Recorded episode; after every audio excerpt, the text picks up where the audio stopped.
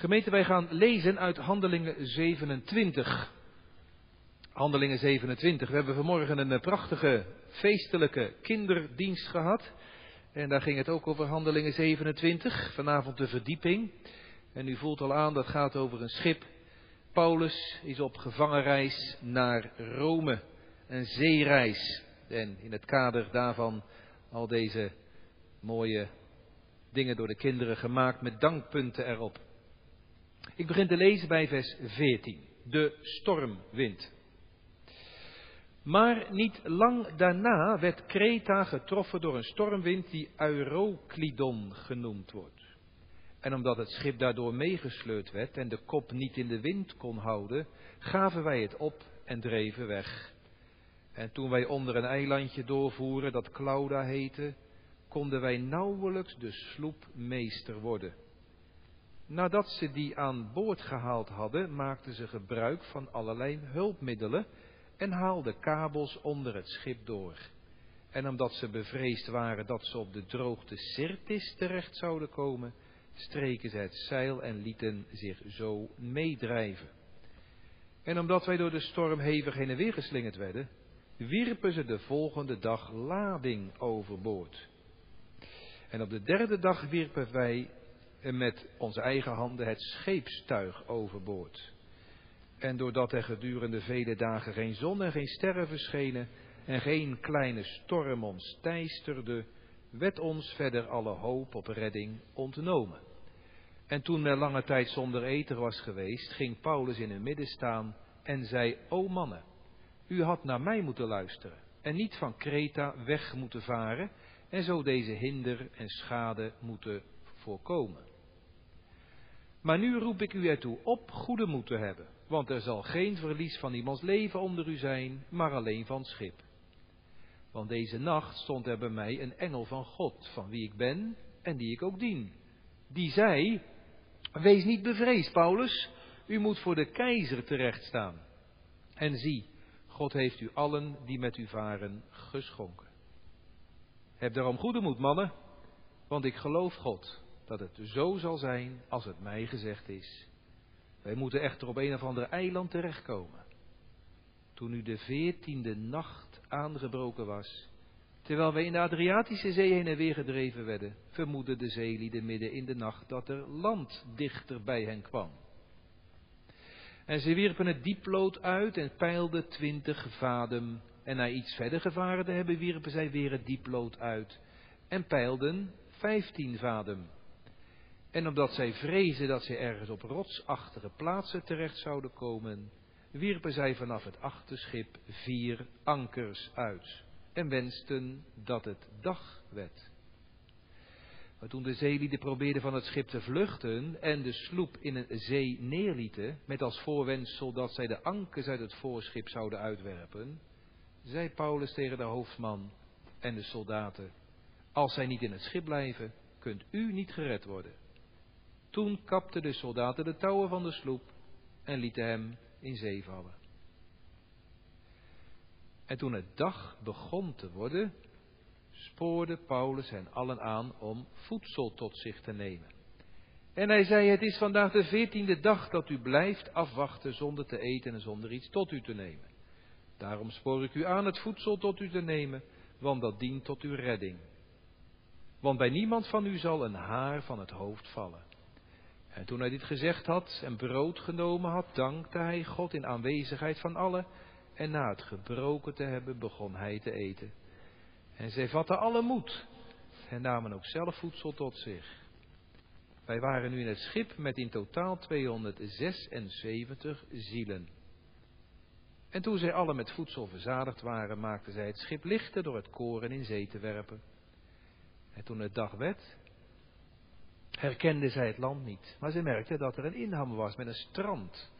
Het leek hun raadzaam het schip als zij konden daarop te laten lopen. En nadat zij de ankers losgemaakt hadden, gaven zij die prijs aan de zee, terwijl ze meteen de touwen van de, van de roeren losmaakten. En na het razeil gehesen te hebben, hielden zij voor de wind op het strand aan.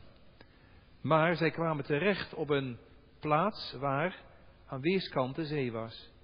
en lieten het schip daarop lopen. Het voorschip bleef onbewegelijk vastzitten, maar het achterschip brak door het geweld van de golven. Het voornemen van de soldaten was de gevangenen te doden, opdat niemand door hem door weg te zwemmen zou ontsnappen. Maar de hoofdman die Paulus wilde behouden, belette hun dat voornemen en gaf bevel dat zij die konden zwemmen, eerst van boord moesten springen en aan land moesten gaan. En daarna de anderen, of op planken, of op enkele stukken van het schip. En zo gebeurde het dat zij allen behouden aan land kwamen. Tot zover. We gaan eh, dat met elkaar overdenken. We proberen daar lessen uit te halen. Dankpunten uit te halen. Toepassingen voor ons nu.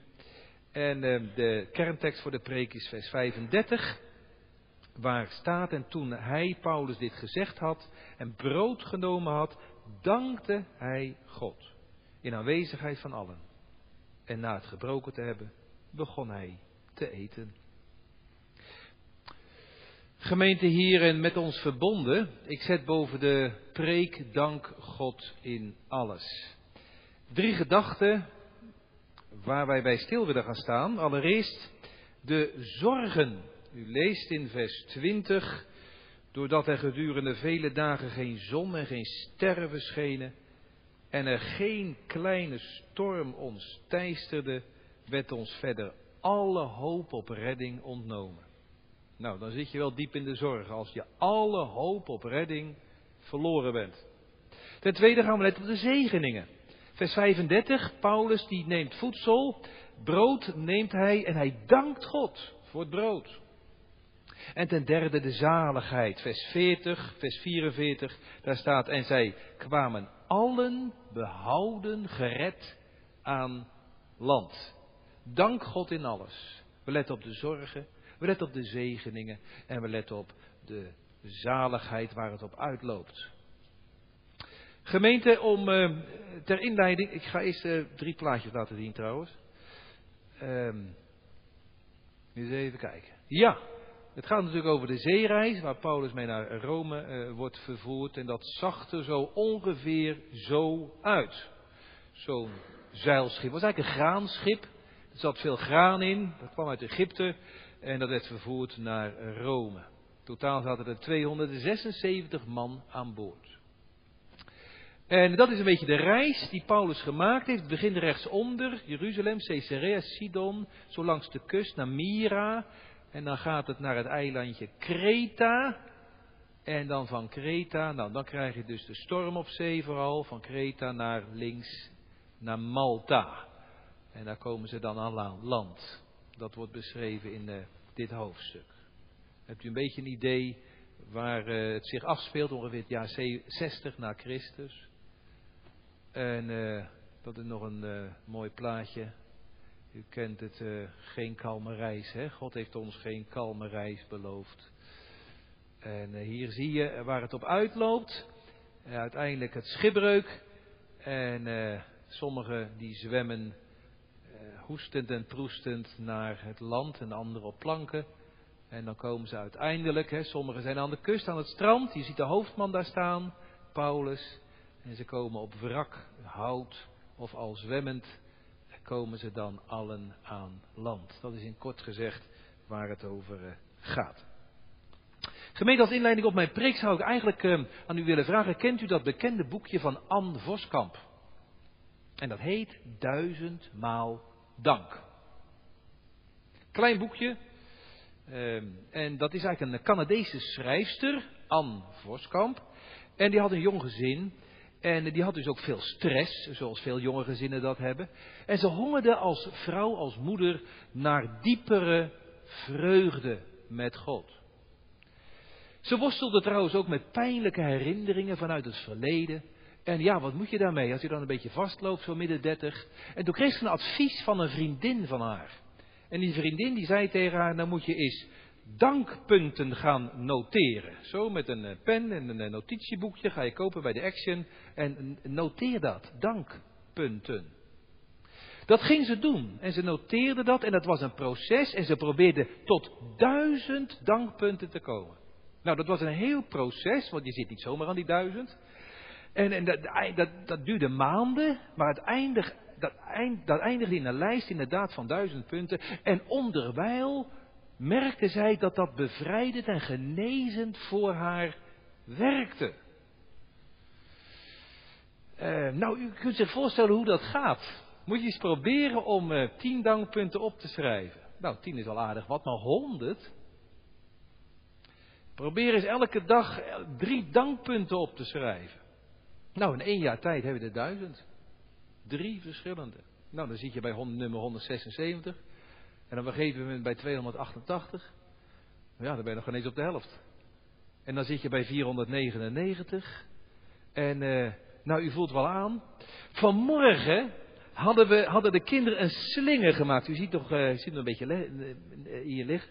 Slinger. En elk schakeltje is een dankpunt van de kinderen van onze gemeente. Nou, ze kwamen zo binnen met die hele lange slinger. En hoeveel schakeltjes van die dankslinger denkt u dat er hier ligt? Nee, geen duizend. Maar toch wel heel veel. De kinderen van onze gemeente hadden 419 dankpunten. Wow. Nou, daar werd ik nou helemaal blij van. Zoveel. Zoveel. Dus met z'n allen mogen we als het ware een dankaltaartje aansteken om God de dank te brengen. Mooi dat de kinderen ons daarin voorgaan. En misschien is dat wel een hele praktische tip, dat het bij u ook wel eens genezend en bevrijdend zou kunnen werken. Schrijf je dankpunten eens op. En je gaat merken, tel je zegeningen één voor één. God is goed voor jou. En je gaat merken dat het echt waar is wat Psalm 68 zingt. Hij overlaat ons dag aan dag, ook in 2020, met zijn gunst bewijzen. Goede gaven, die gouden momentjes. Dan gaat het niet om grote dingen, maar veracht de dag van de kleine dingen niet. Juist die kleine dingen. Het ware genieten, het ware genieten van een kind van God ligt heel dicht tegen aanbidding aan. Aan deze kant van de hemel zijn gelukkig ook nog goede dingen die de Heer ons laat. Alleen dan moet je vertragen, vertragen. Vaart minderen. Goed ruiken, goed kijken, af en toe eens bukken. Eh, dingen voelen, beetpakken. En misschien dat je dan op een dankspoor komt in je leven. Niet zaniken, zouden ze in Rotterdam zeggen. Niet mopperen. Maar proberen te kijken, te luisteren, te voelen, te proeven en te bewonderen. Best lastig in 2020, dankdag. Op het orgel heb je een toonsoort D. D. Mooi als vandaag de toonsoort D is, de D van dankbaarheid. Maar de toonsoort D van dankbaarheid bevat wel twee kruisen. Kan je dankbaar zijn als er een kruis, als er zelfs twee zware kruisen in je leven zijn? We gaan het aan Paulus vragen. Eerste gedachte, de zorgen. Thema van de dienst was dank God in alles. Dat is een Bijbeltekst die Paulus ergens noemt in een van zijn brieven. Dankt God in alles. Ja, dan kan je zeggen, ja Paulus, dat kan je wel opschrijven. En dan kan je ons wel meegeven als een, als een opdracht. Maar is dat niet erg makkelijk? Om dat zomaar even neer te schrijven. Dankt God in altijd, overal, in alle omstandigheden. Jij hebt makkelijk praten, Paulus. Nou, dat kunnen we in ieder geval niet zeggen, dat Paulus makkelijk praten heeft. Paulus weet wat hij het over heeft. Heel veel meegemaakt. En dat zien we in Handelingen 27. We zien hem daar dat hij van zijn vrijheid beroofd is. Hij is gevangene. In een schip, in een storm en een schipbreuk. Met man en muis dreigt hij te vergaan. En toch hebben we gelezen, hij neemt brood en hij dankt God. Een reis van 2000 kilometer over zee. Van Jeruzalem naar hartje van het Romeinse Rijk. Rome in Italië. En die reis, ik kan het u verzekeren, dat was geen cruiseschip en het was ook geen vakantiereis. En toch zien we in dit hoofdstuk dat woordje dank. Wat voor mensen zaten daar op dat schip? 276 zielen. Nou, als je het goed leest, dan is daar een hoofdman, een officier, een Romeinse officier, 100 soldaten. En die soldaten moeten passen op gevangenen. Want er zitten ook een hoop gevangenen aan boord. Militairen die bewaken de gevangenen. Matrozen, soldaten, gevangenen, een hoofdman, een stuurman, een kapitein en Paulus. Dat waren de passagiers. Paulus bevindt zich dus tussen gevangenen, oproerkraaiers, messentrekkers, schorrimorrie. En wat lijkt Paulus daar op de Heer Jezus? Die ook met tollenaars en zondaars omging. En die zelfs met de misdadigers is gerekend, een bondgezelschap. Nou, als je dan die eerste twintig versen zou lezen, ik heb dat voor u gedaan, aandachtig. Dan zie je dat die reis aanvankelijk, het begint eigenlijk met windje mee, een zacht zuidenbriesje. Maar het is herfst, september, oktober, november. Het is herfst en ja, de Middellandse Zee en dan eh, over in die tijd, in de herfst, dat deden ze niet. Want je had gevaarlijke stormen. En dan komen ze ergens bij Kreta, u hebt het gezien bij Kreta, en dan, dan zegt Paulus tegen de kapitein en de hoofdman, jullie moeten hier overwinteren. Want ik zie, ik zie, dus hij ziet dat ergens in de geest, ik zie dat er ongemak gaat komen, dat er grote schade gaat komen als jullie toch doorvaren, en dat, uh, dat er verlies zal zijn, zelfs van de lading en van het schip en misschien wel van jullie leven. Paulus gaf advies. Overwinter op Kreta. Niet doorreizen naar Rome, naar Italië. Maar ja, Paulus was een Jood, was een gevangene, was een geleerde. Hij was geen expert. Had er niet voor gestudeerd voor kapitein. En we moeten het aan de deskundigen vragen in onze tijd. Want de deskundigen, de onderzoekers, de, de ologen, de virologen of de nautologen, of hoe heten die mensen, die weten het. En Paulus weet het niet. Dus ze gaan toch door. Nou, en dan komt de noodweer. En in die noodweer, u ziet al een beetje dat het naar deze tijd gaat, in die noodweer zit kerk en samenleving in hetzelfde schuitje. Paulus is de kerk en die heidense mensen, dat is de samenleving. En ze zitten alle twee in het noodweer. Niet alleen de restaurants en niet alleen de, de cafetaria's en de theaters en de bioscopen, maar ook de kerk. Kerk en samenleving in een zwaar noodweer. Ja.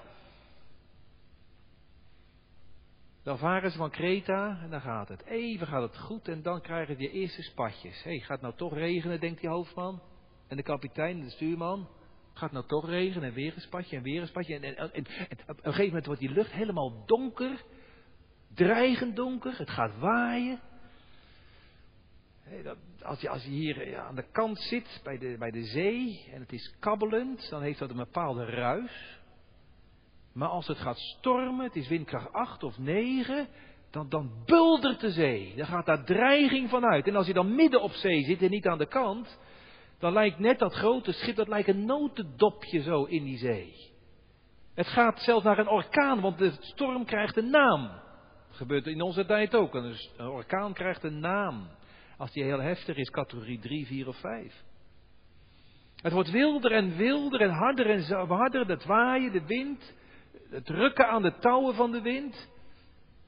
Je ziet als het ware die golven hoger en hoger worden. Het schip gaat schuiner en schuiner heen en weer en op en neer. Je hoort het schip kraken. Je voelt de regen, de wind striemen in je gezicht. Je smaakt de spatten van het zoute Middellandse zeewater, dat overboord dat, slaat. Dus het is boven, regen, beneden, water, opzij de wind. En het gaat hevig heen en weer, hebben we gelezen. Nou, dan word je kotsmisselijk, je wordt zeeziek. En op een gegeven moment word je bang dat het schip omslaat. Al die 260, 76 passagiers, er staat uiteindelijk, ja, ze werden, eh, ze werden bang. Doodsbleke gezichten. Wie? Nou, die soldaten. Ja, dat waren, dat waren toch ruwe bonken. Die waren wel gewend, die Romeinse soldaten. En eh, die, die matrozen, dat waren natuurlijk zeelui, die waren wel wel gewend. Maar uiteindelijk zien we dat de dood hen aangrijnst. Lading gaat overboord, Scheepstuigen overboord, eigen handen om het schip wat lichter te maken. Ze zien geen sterren s'nachts om een beetje de richting te bepalen. Ze zien ook geen zon overdag. Dus ze zijn de route, ze zijn de controle kwijt, de controle kwijt. En dat duurt nou al veertien dagen, weken. Er is dus geen zicht op beterschap, op uitzicht. Ze krijgen geen hap door de keel. En dan staat er uiteindelijk, vers 20, daar alle hoop op redding hen ontnomen was. Nou, daar zit je wel op een dieptepunt. Eerste gedachte was zorgen. Dan zit je op een dieptepunt. Je zou een SOS naar de, naar, naar, naar, willen opzenden, maar alle hoop op redding ontnomen. Dus dan blijft er maar één ding over, dat is zinken en verdrinken en sterven, een scheepsramp. Nou, dat is het letterlijke verhaal. Nou, de toepassing. De toepassing heb ik zitten denken aan, ja, dat gebeurde natuurlijk in de tijd 60 na Christus. Maar het gebeurt in onze tijd ook. Als je denkt, die kleine scheepjes, overvol met mensen uit Afrika, die de oversteek waren naar Lampedusa. En er zijn er al wat verdronken. Hoogst actueel. Maar ik denk ook aan, uh, ja, Dankdag 2020 en de biddag van 2020. Met de biddag, dat was net voordat de corona uitbrak. De zondag daarop was het dat de beperkingen begonnen. Dus de biddag, tussen biddag en dankdag is al die heisa over ons heen gekomen. 276 zielen. Die zaten daar in een beperkte ruimte. Eén boot. Allerlei soorten mensen op één boot. En ze moesten het weken met elkaar uithouden. Nou, de toepassing is makkelijk gemaakt. Maart, april, mei was het best lastig toen de kinderen niet naar school mochten. En toen u niet naar uw werk mocht, die totale lockdown. En daar zit je dan, pa met een laptop, ma heeft te werk. De kinderen moeten online les, die moeten dat ook proberen. En dan zit je daar op één ruimte met elkaar en dan krijg je irritaties. Best lastig om met elkaar te wonen, te werken en, en, en dan ook nog te leren en ook nog bezig te zijn met, met werk. Dat gaf bij vele gezinnen spanning. Zonder uitzicht. Hoe lang gaat dat duren? Weet je wat ik ook uh, apart vind? Een toepassing naar onze tijd. Op een gegeven moment ging de lading overboord. Koren, graan, scheepstuig, uh, reserve, uh, riemen, takels. Lading ging overboord. Hè? Dus wat er vracht, wat erbij was, ging weg. Nou, dat verloren ze. Ze hadden geen lading meer, ze hadden geen scheepstuig meer, uiteindelijk ook geen koren meer. Zelfs geen sloep meer, die wordt ook afgekapt. Dat zou je ook wel op onze tijd kunnen toepassen. Het ging allemaal overboord. We hebben geen dit en geen dat en geen dat meer. We hadden geen school meer. En we zagen de meester niet meer en de juffrouw niet meer en de klasgenoten niet meer. En we konden niet meer op visite bij opa en oma om een bakje koffie te drinken of limonade te krijgen. Hooguit een raamvisite of een tuinvisite. En we konden niet meer, naar het, we konden niet meer knuffelen met geliefden. En we konden geen bezoekjes meer brengen en niet meer met vakantie. Niet meer naar het werk, niet meer naar de kerk, niet meer sporten, niet meer. Je kon zelfs geen wc-papier meer krijgen, geloof ik, in de, in de, in, bij de Lidl. Dat zijn toch dingen? Dat zijn toch dingen? Verlieservaringen. Wat er allemaal niet meer was op dat schip, in de samenleving, in de kerk, niet meer samenkomen, niet meer samen zingen. U voelt, dit is een ramp, dit is een drama. En uiteindelijk gaat het terug op één ding. En dat is, kan ik mijn vege lijf nog wel redden? Als alle hoop op redding ontnomen wordt, uiteindelijk gaat het maar over, ja maar word ik nou behouden? Word ik nou gered? Zal ik het halen? En dat is het ergst als niet alleen de lading verloren gaat of vrijheid wordt beperkt, of afstand wordt die niet meer nabij bent, maar als uiteindelijk je ziel verloren gaat. Paulus had er al voor gewaarschuwd dat ongemak, grote schade, ik zie dat er grote schade komt als je het toch doet. Die mensen werden zeeziek. Er zijn al heel wat mensen ziek geworden. Misschien in de familie, misschien kwamen dichterbij dan u dacht. Ziek, ernstig ziek. Ouderen die overleden zijn. aan de corona. Die er niet meer beter van werden. Eenzaam stierven. Die onzekerheid, het gevaar. De controle kwijt te raken. Nou, ik, ik vind dit wat dat betreft een heel toepasselijk gedeelte. Dat je zomaar kan overzetten. Je zou het ook kunnen overzetten op je persoonlijk leven. Dat schip waar Paulus hierin zit, zou je ook kunnen toepassen op je, op je aardse levensschip. Hier is Paulus aan boord, een knecht van God. Maar wat is het rijk als je de zoon van God aan boord mag hebben? Geef de heiland het roer in handen van je aardse levensschip. En dan zegt de Heer Jezus niet van als je nou in mij gelooft, dan zal je nooit geen schipbreuk kunnen leiden. Dat zegt de Heer Jezus niet. En de storm gaat ook niet altijd liggen in je persoonlijk leven. Misschien heb je dat wel heel goed ervaren die afgelopen maanden tussen bid en dankdag. God behoedt ons niet voor de storm, maar hij houdt je wel vast in die storm. Zelfs als je levensscheepje verraadt. Geen kalme reis belooft. Vader, zoon toch aan boord. Dan toch een veilig strand voor het oog. Met Christus aan boord ben je veilig in de storm. Die gaat niet liggen. Ja. Er is een verschil, ik heb er niet zoveel verstand van hoor. Maar er is een verschil tussen een loods en een roerganger. Op één schip heb je, ik ben de roerganger. En Jezus is de loods, de leidsman. En een loods is iemand die vakbekwaam is, die ervoor geleerd heeft, die, die, die kan jou in de veilige haven, grote schepen in de haven leiden. En als ik als roerganger van mijn aardse levensschip, als ik de onbekende wateren zit, en als ik het niet weet, dan kijk ik richting die loods die aan boord is. Die is er bekwaam toe. En als hij knikt, of hij nee schudt, of hij een bevel geeft, bakboord of stuurboord, dan, weet ik, dat moet ik opvolgen, want dan ga ik in ieder geval goed. Een roerganger, ik moet voortdurend in contact staan met de loods, met de heiland. Vader, zoon. Hij geeft me aanwijzing om die, door die storm heen te komen en uiteindelijk behouden aan te komen. Nou, dat is de eerste gedachte, de zorgen van Paulus op het schip en de zorgen die wij hebben gehad in dit afgelopen seizoen, dit jaar. We gaan nu naar de tweede gedachte en dat zijn de zegeningen.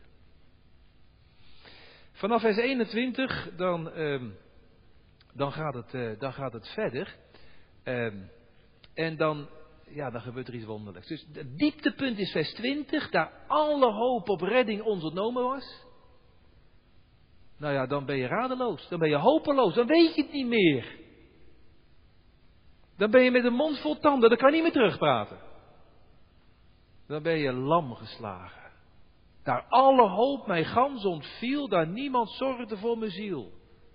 Ik denk wel eens bij mezelf, misschien ja, dat is geen doemdenken, maar ik denk misschien, moet, misschien is dit nog maar het begin. Je moet er nog veel dieper er doorheen in kerk, in kerk en samenleving. Want we hebben nog een te grote mond. In kerk en samenleving. En als we dan op het dieptepunt zijn, hè, en dan staat er in vers 21, toen we lange tijd stonden, toen ging Paulus in hun midden staan.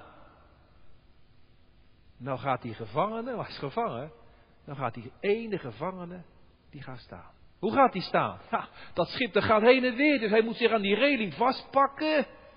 Hij gaat in het midden staan en hij zegt, oh mannen. Hij zijn die mannen broeders? Nee, want dat zijn allemaal heidenen.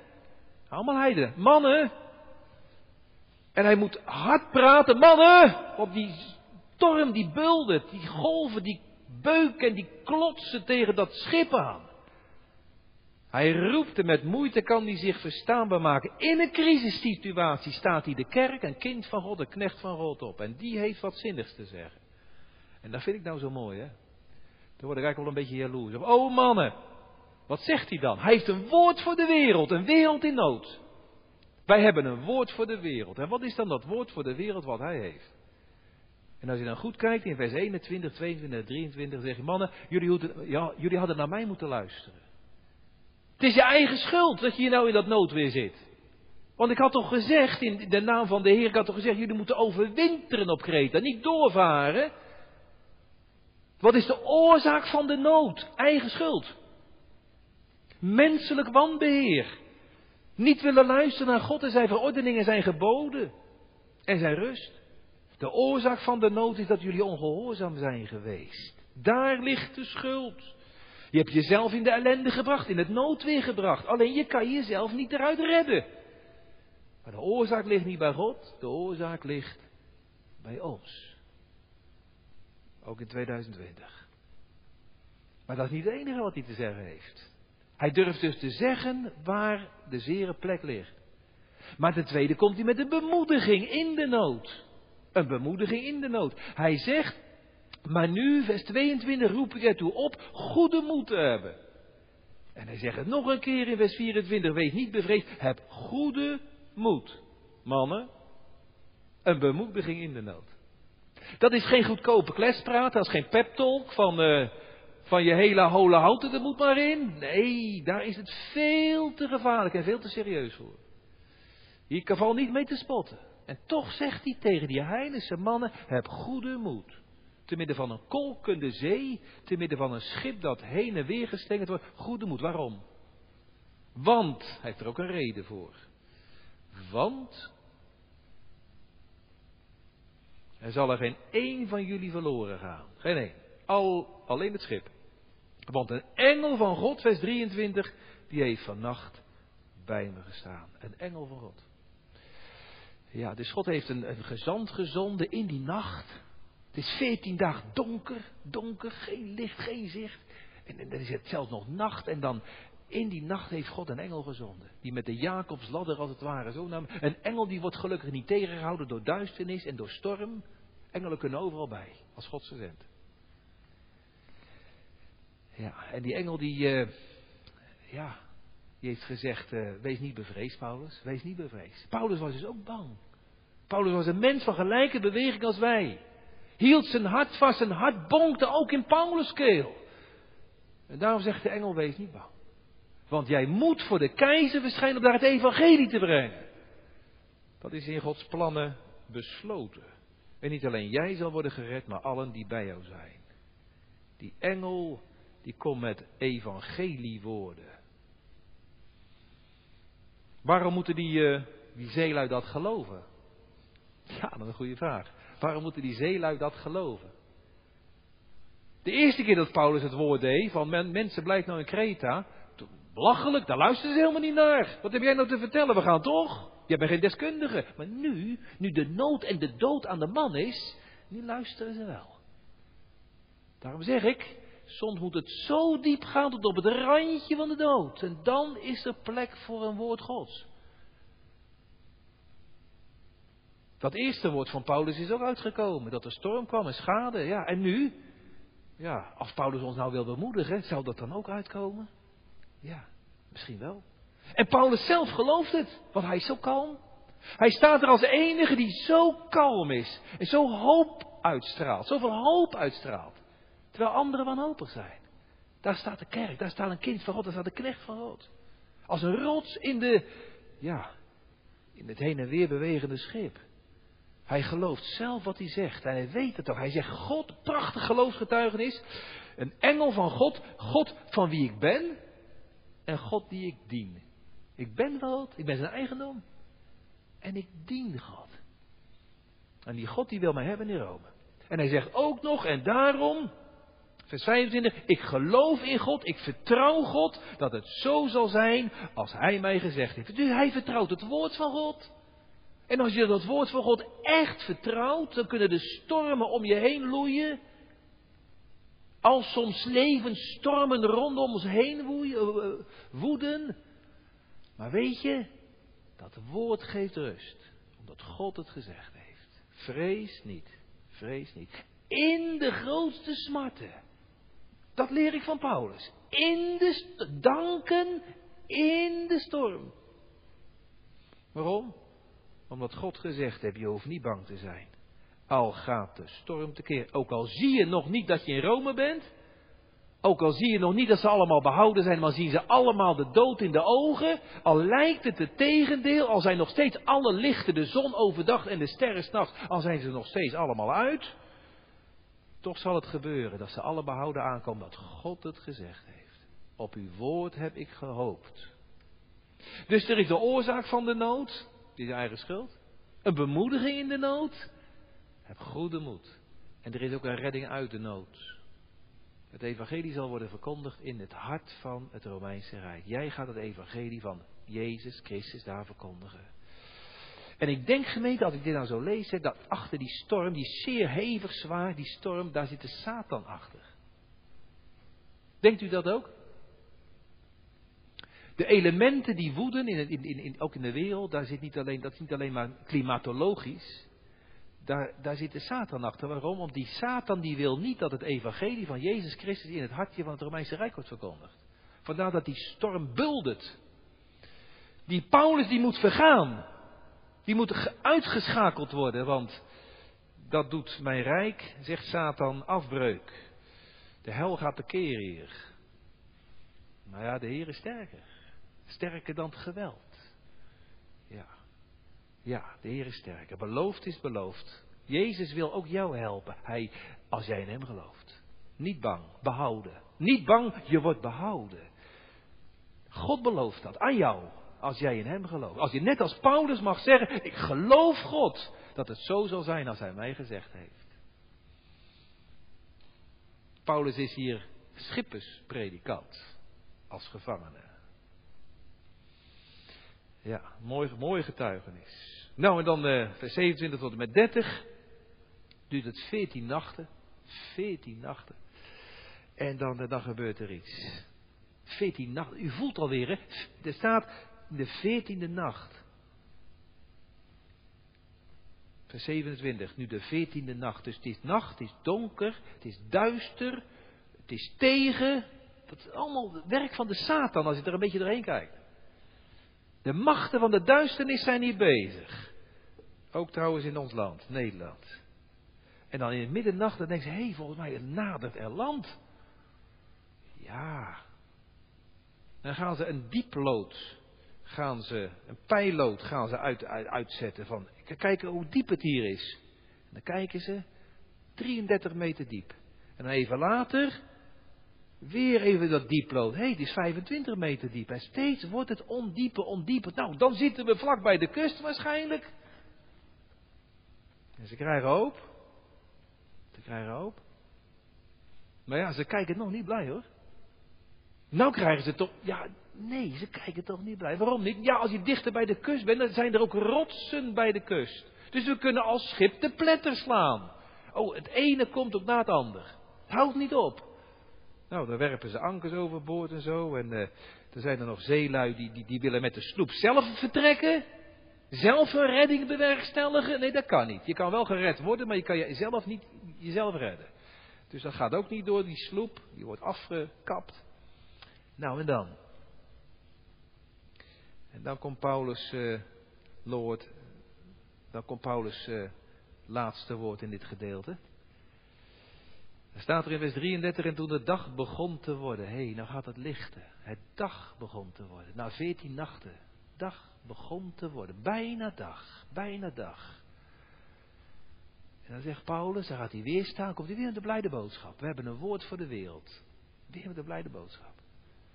Midden tussen de mensen. Mensen, jullie hebben nou zo lang niet gegeten. Ik snap dat ook wel. De spanning doet de eetlust verdwijnen. Maar jullie moeten nou echt wat eten.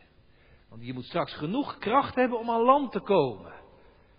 En eh, ja, dan doet hij wat. Hij belooft alweer namens God, geen haar van je hoofd zal vallen. Ah, het dient tot jullie redding. Wat jullie voedsel nemen, neem voedsel tot je, want dat dient tot jullie redding. Tot jullie behoudenis. En dan doet hij iets heel moois. Dan pakt hij brood, het laatste restje wat er nog is. En dan neemt hij het. En, en, en dan dankt hij. Hoe, hoe zal hij dat nou gedaan hebben? Hè? Want het buldert nog steeds. Misschien met zijn ene hand aan de reling en de andere hand omhoog. Hij kijkt ieder van naar omhoog. En heeft hardop, luid hardop, heeft hij God te midden van kerkgangers, christenen, nee, te midden van die, ja, van, de, van die gasten, van die soldaten en die, die ruwe, ruwe zeebonken. Heeft hij God in het bijzijn van die mensen gedankt. Hij schaamde zich niet. En hij brak het en begon te eten. Dank u, heren, dat u ons in deze crisistijd, in deze situatie, nog het brood nodige hebt gegeven. Daar kunnen we allemaal voor danken. Dat u ons nog wat brood nodig hebt gegeven. Danken, dat is denken aan datgene wat je nog wel hebt. Wat je nog wel hebt, wat God ons nog gelaten heeft. Danken, dat is, uh, dat is denken aan de gever die ons ondanks beperkingen, die ons nog zoveel goeds heeft gegeven. Tel je zegeningen. Paulus, ga jij ze stellen? Kinderen hebben ze geteld, 419. Ja, ik ga ze ook eens stellen. Heb ik ze? Ja. Paulus, ga jij ze stellen in Handelingen 17? Nou, dan kan ik in ieder geval danken dat, uh, dat de Heer tegen me gezegd heeft: vrees niet. Vrees niet. De storm is nog niet weg, maar ik kan alvast danken in de storm. Vrees niet dat die engel me bemoedigd heeft. En dat ik niet alleen gered word, maar dat er nog 276 meegered worden. En dat de Heer me belofte gegeven heeft, alle behouden. En dat hij me nu een stukje brood geeft. En dat het zo meteen weer dag gaat worden, want het wordt bijna dag, toen het dag begon te worden. En dat er land nadert. Nou, dan heb je zo al zes, zeven zegeningen. Ja. En dan staat er ook iets heel moois, vind ik, gemeente. Daar zit wel les in. Nadat ze brood, brood gebroken hadden, begonnen hij te eten. En dan staat er, en allen vatten moed. En ze namen ook voedsel tot zich. Door wat Paulus deed, hij dankte en hij deelde, kregen ze moed. Wat dat ene kind van God deed, die had zo'n positieve invloed op zijn omgeving, dat de omgeving er moed door putte. Wat Paulus deed. Eén kind van God. Als het regent op mij, hè. Als God zijn zegen doet geven aan mij dan zijn de spatten van de zegen, van die regen, die komen in mijn omgeving terecht. Als het regent vanuit de hemel op mij, wordt mijn omgeving ook nat. Paulus, kind van God, knecht van God, die mag een positieve invloed hebben op degene die, die bij hem staan. En dat is een grote vraag ook voor, voor u en voor mezelf. Nu ik hier woon, nu ik hier werk, in uw omgeving, bent u als ik als, als dominee voor de gemeente, als vader voor mijn kinderen, als man voor mijn vrouw.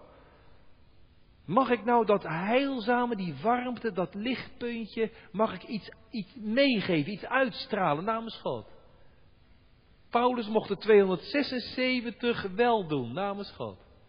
U als vader, u als moeder, jij als opa, oma, als leerkracht, als leidinggevende, ambtsdrager. Worden de mensen nou moedeloos van me? Daar hebben die mopperkont weer, die zaniger. Of krijgen de mensen nou een beetje meer hoop als ze mij gezien en gesproken hebben? Een beetje meer moed. Eén mens van God, één kind van God, u, ik. Heren, mag ik dat betekenen voor mijn omgeving? Waar ik zoveel gemopper en geklaag en zoveel korte lontjes tegenkom. Mag ik, mag ik dat namens u doen. Een beetje licht en een beetje warmte verspreiden. Calvijn die zegt zo mooi. Die zegt, uh, als je nou kijkt naar Jona en naar Paulus, dan zie je er zoveel verschil. Jona was een ongehoorzame knecht, die kwam in de storm. Nou, al die heidenen op dat schip, die, die verdronken bijna. Een ongehoorzame knecht van God, die kan zoveel onheil aanrichten. Dat is Jona. Maar Paulus is een gehoorzame knecht van God. Ook op een schip, ook in de storm, net als Jona. Maar wat geeft hij veel zegen aan zijn omgeving. twee knechten van God. De een is ongehoorzaam, nou, die, daar hebben de heidenen niet zoveel aan. En de ander is gehoorzaam en die kunnen zoveel tot zegen zijn. Weet je, ik ga nog een lijn trekken en dan ga ik eindigen. Weet je dat dat schip, de vroege kerkvaders, die hebben in dit gedeelte, waarom wordt dat zo uitgebreid en zo gedetailleerd verteld? De vroege kerkvaders die hebben in de eerste, tweede, derde en vierde eeuw, die hebben al vermoed van, hier gaat het niet alleen over uh, een scheepsramp. Hier gaat het over de geschiedenis van de kerk van God door de eeuwen heen. Dat is een mooie gedachte. Als je zo dit gaat lezen, zie je heel andere dingen. Vanaf de hemelvaart van de Heer Jezus tot aan zijn wederkomst is het scheepje van de kerk, Gods kerk als een schip. En dat vaart over de wereldzee. En dat heeft vanaf het begin de tij al tegen gehad. Allerlei wind van leer, allerlei vervolging, allerlei uh, kwamen de kerk tegen. Altijd maar tegen. De Heer Jezus lichamelijk niet aanwezig in de hemel. 2000 jaar al op weg. En het eindigt in een schipbreuk van de kerk. Zielen worden behouden, maar de kerk gaat eraan. De uiterlijke gestalte van gebouwen en van kerkgenootschappen. En wat vieren ze nou onderweg? De Eucharistie. Want God, Paulus dankte God, en dat woordje danken, daar staat Eucharistie. En dat is avondmaal. Hij dankte God terwijl hij brood drak. Onderweg in de storm mag de kerk, met al die verschillende mensen, op dat ene schip, mag de kerk toch avondmaal vieren. En, en als je dan vers 35 leest, hij dankte God in aanwezigheid van allen. En hij zei vers 34, dit brood dient tot uw redding. Dan denk ik aan het gebroken brood, dan denk ik aan het verbroken lichaam van de Heer Jezus. Dat dient tot mijn redding. Daarin ligt de redding. In het gebroken brood, in het beloofde woord. Dat geeft de Heer zijn kerk mee. Wat de Heer beloofd heeft. Vrees niet, behoud de aankomst. En tekenen van brood en wijn. Dat krijg ik voor onderweg. De veertiende nacht. Ja, ik moet zo eindigen, maar de veertiende nacht, dat staat er ook niet voor niks. Wat denkt u aan bij de veertiende nacht? Geen idee. De veertiende nacht in de Bijbel, als u een beetje bijbelvast bent, Exodus 12. Hoe werd Israël verlost uit Egypte? Bloed van het lammetje, Pascha werd gevierd op de veertiende Nissan. De veertiende nacht. Veertiende nacht is de nacht van de verlossing, van de behoudenis, van de redding. Dat zit er allemaal in verweven, onder, onder lagen van deze tekststructuur. En dan staat er, en ze wensten dat het dag werd. Dat ze land zouden zien dat het dag zou worden. Zo is de kerk op reis. En ik mag peilen, hé, hey, volgens mij komt het eraan. 33 meter. 25 meter. Het gaat meer en meer naar de dag. Het gaat meer en meer naar de dag van de wederkomst. Meer en meer land in zicht. Het gaat meer en meer naar het vaderland. We zijn er nog nooit zo dichtbij geweest bij de wederkomst van de Heer Jezus. 2000 jaar zijn we nu dichter bij de wederkomst dan de tijd van de apostelen. En we merken aan de tekenen van de tijd, het komt steeds dichterbij, dat land, dat vaderland, de dag dat hij terugkomt. De nacht is ver gevorderd, de dag is nabij. Nou, tenslotte gemeente, dan wordt het dag. Vers 39, het laatste gedeelte. En dan, eh, nou ja, dan, eh, ja, dan zijn ze er, hè? Dan zijn ze er. Nee, dan, dan op het laatst, bij het zicht van het land zou het nog mis kunnen gaan. Zo zie je dat die duivel bezig is, hè? Ze moeten nog iets meemaken. Die 276 zielen. Komt daar een zangbank en het voorste gedeelte van dat schip dat zit muurvast en het breekt, achterste gedeelte breekt af. Schipbreuk. Kerkbreuken. Met een schok op het schip tot stilstand. Het breekt. En de soldaten die denken, oh die gevangenen die gaan vluchten. Die gaan al die gevangenen doden. Laatste poging van de duivel. Al die gevangenen doden. Dus ook Paulus moet gedood worden. Gaat het evangelie toch niet naar Rome. Ho, zegt Julius, de hoofdman. Gaat niet door. Dat gaat niet door. En dan zegt de hoofdman, jongens, jullie die gevangenen, ze mogen van, van, eh, van dek springen, ze mogen zo naar land zwemmen. Als ze niet kunnen zwemmen, pakken ze een stukje hout. Hier liggen allemaal stukjes hout. En uh, een balk, een plank. Kan me niet schelen wat. En zo mogen jullie naar het land zwemmen. En dan staat er in vers 44, in de Engelse vertaling, dat zij alle behouden naar land kwamen. En they escaped. They escaped, all safe to land. Escaped. Weet je wat een escape room is? Ja, dat weet ik dominee, wat een escape room is. Dan moet je het zelf zien uit te vogelen. Door je slimmigheid, door je handigheid en door je denkvermogen. They escaped. Hoe kan je nou ontkomen aan de verlorenheid? Hoe kan je nou ontkomen dat je niet omkomt, maar ontkomt? Nou, als je gered wordt, als je gesaved wordt. Ja, en dat doet nou God. Zwemmend, drijvend, omdat God het gezegd had, beloofd had. En dan komt de eerste aan. Dan komt de eerste aan land. Helemaal drijfnat zeg. Zout. Haren nat, maar gered. Gered. En ik kijk om me heen op het strand. Oh, Paulus ook. Hé, hey, en jij ook. En jij ook. En dan gaan ze tellen, hè. Dan gaan ze tellen. 1, 2, 3, 4, 274, 75. Hé, hey, ik mis er. Nee! Alle 276. Allemaal gered. Allemaal behouden. Zalig. Dat is wat? Nou, ik denk dat Paulus toen nog meer God gedankt heeft.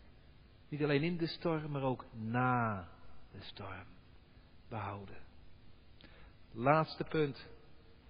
God redt alle mensen. Door één gelovige man, Paulus. God redt al die mensen door één gelovige man, Paulus. Wat lijkt Paulus op Jezus? Er is nu redding voor alle mensen, dankzij één persoon, de Heer Jezus Christus. En als nou dankdag is, 2020, dan is mijn grootste behoefte om te zeggen, dank u Heere God, voor deze ene onuitsprekelijke gave. Uw Zoon, Jezus Christus, die in de nood ook uw redder is geweest. Amen.